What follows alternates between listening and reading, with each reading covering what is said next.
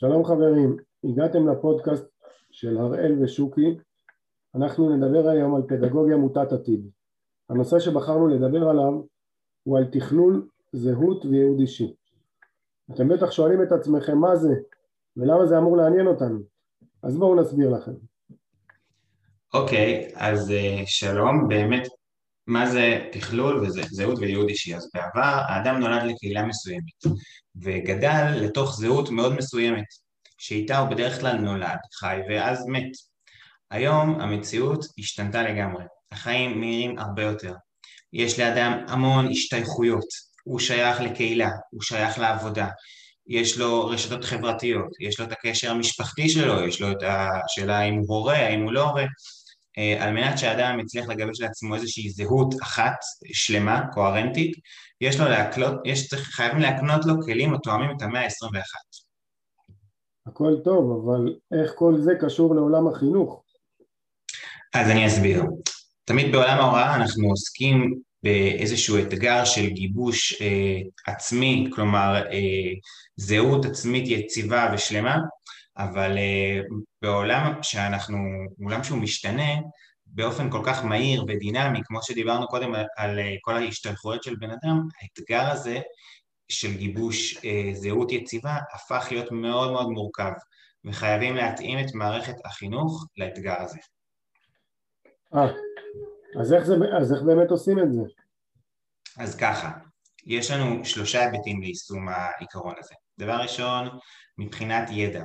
אנחנו צריכים ללמד את ה... אה, את ה לעבוד עם התלמידים על מרכיבי הזהות העצמית שלהם. כל מיני מקורות של תכני תרבות, על uh, תכנים שעוסקים במשמעות, בתכלית, תכנים של יצירה אישית, כמו אומנות ו- וכדומה. זה מקורות הידע. קודם כל התלמידים צריכים לקבל מאיתנו את הידע של דברים שיכולים להרכיב את הזהות העצמית שלהם.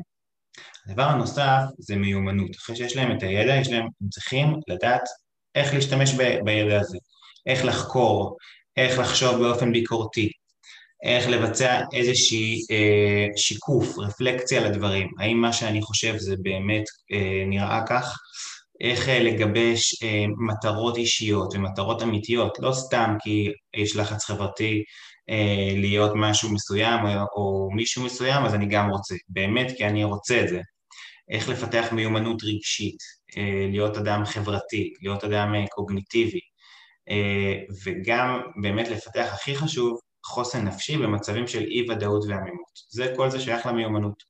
הדבר השלישי זה דבר שקשור לערכים.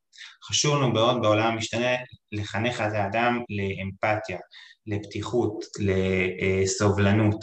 זה אי אפשר כאילו להיות בן אדם שיפוטי בעולם כזה שהוא כל הזמן שיפוטי כלפיך, ו, ומצד שני גם לגבש זהות ומשמעות אישית וחברתית. אה, הבנתי. אז דיברת על ידע, על מיומנויות ועל ערכים, אבל רגע, איך כל זה יורד לפרטים? איך מורה מחנך לדברים האלו? ובכלל, היום הכיתות הרי גדולות מאוד, והמורים אולי קצת שמרניים, איזה, איך הם יכולים להתמודד עם כל הדבר הזה? שאלה ממש טובה, ממש אה, נקודה חשובה. המורה הוא באמת סוג של אה, מנטור, הוא צריך להיות אדם יצירתי ולתת לתלמידים מרחב אישי שיאפשר לו להתפתח לפי כישורים שלו, לפי הנטיית הלב שלו. המורה לא יכול לכוון את כל התלמידים כאילו הם יהיו איזשהו עדר לאיזשהו מקום אחד. כל תלמיד אה, צריך, המורה צריך למצוא אצלו את הנקודה שהיא הכי משמעותית שלו, את החוזקה שלו, ולחזק אותה. להנחות אותו איך להופיע את הנקודות החוזקה, הנקודות החזקות שלו בכל, בכל התחומים ובכל המסגרות שהוא בא בהם לידי ביטוי. אני אוסיף שגם מדובר גם לא רק בפעילויות פורמליות, ברגע שהמורה יוצא עם התלמידים החוצה מבית הספר, פעילויות קהילתיות, התנדבותיות, הוא יכול לגלות אצל התלמידים שלו, אצל כל אחד ואחד, כן, ממש אצל כל אחד ואחד, את החוזקות שלו. ואז אחר כך לגבש את האישיות של כל תלמיד ובכיתה התלמיד יהיה יותר חזק, יותר מגובש, הזהות שלו תהיה יותר חזקה. בקיצור, צריך לעבוד עם התלמידים על חמישה דברים, על החיבור והשייכות שלהם, בפיתוח מודעות וידע עצמי שלהם, על, הח... על ההתוודעות לחוויות העצמיות, באופן כללי על העצמיות שלהם, וכמובן על היצירתיות שלהם. לסיכום, במציאות המשתנה בקצב מהיר, אין מקום לחנך את התלמידים כעדר, אלא כל אחד מהתלמידים צריך לקבל את היכולת לפיתוח אישי וקביעת הזהות העצמית שלו, למרות האתגר שבדבר בעזרת המודלים שהסברנו כאן. אז שיהיה לכם בהצלחה, נשתמע בפודקאסט הבא.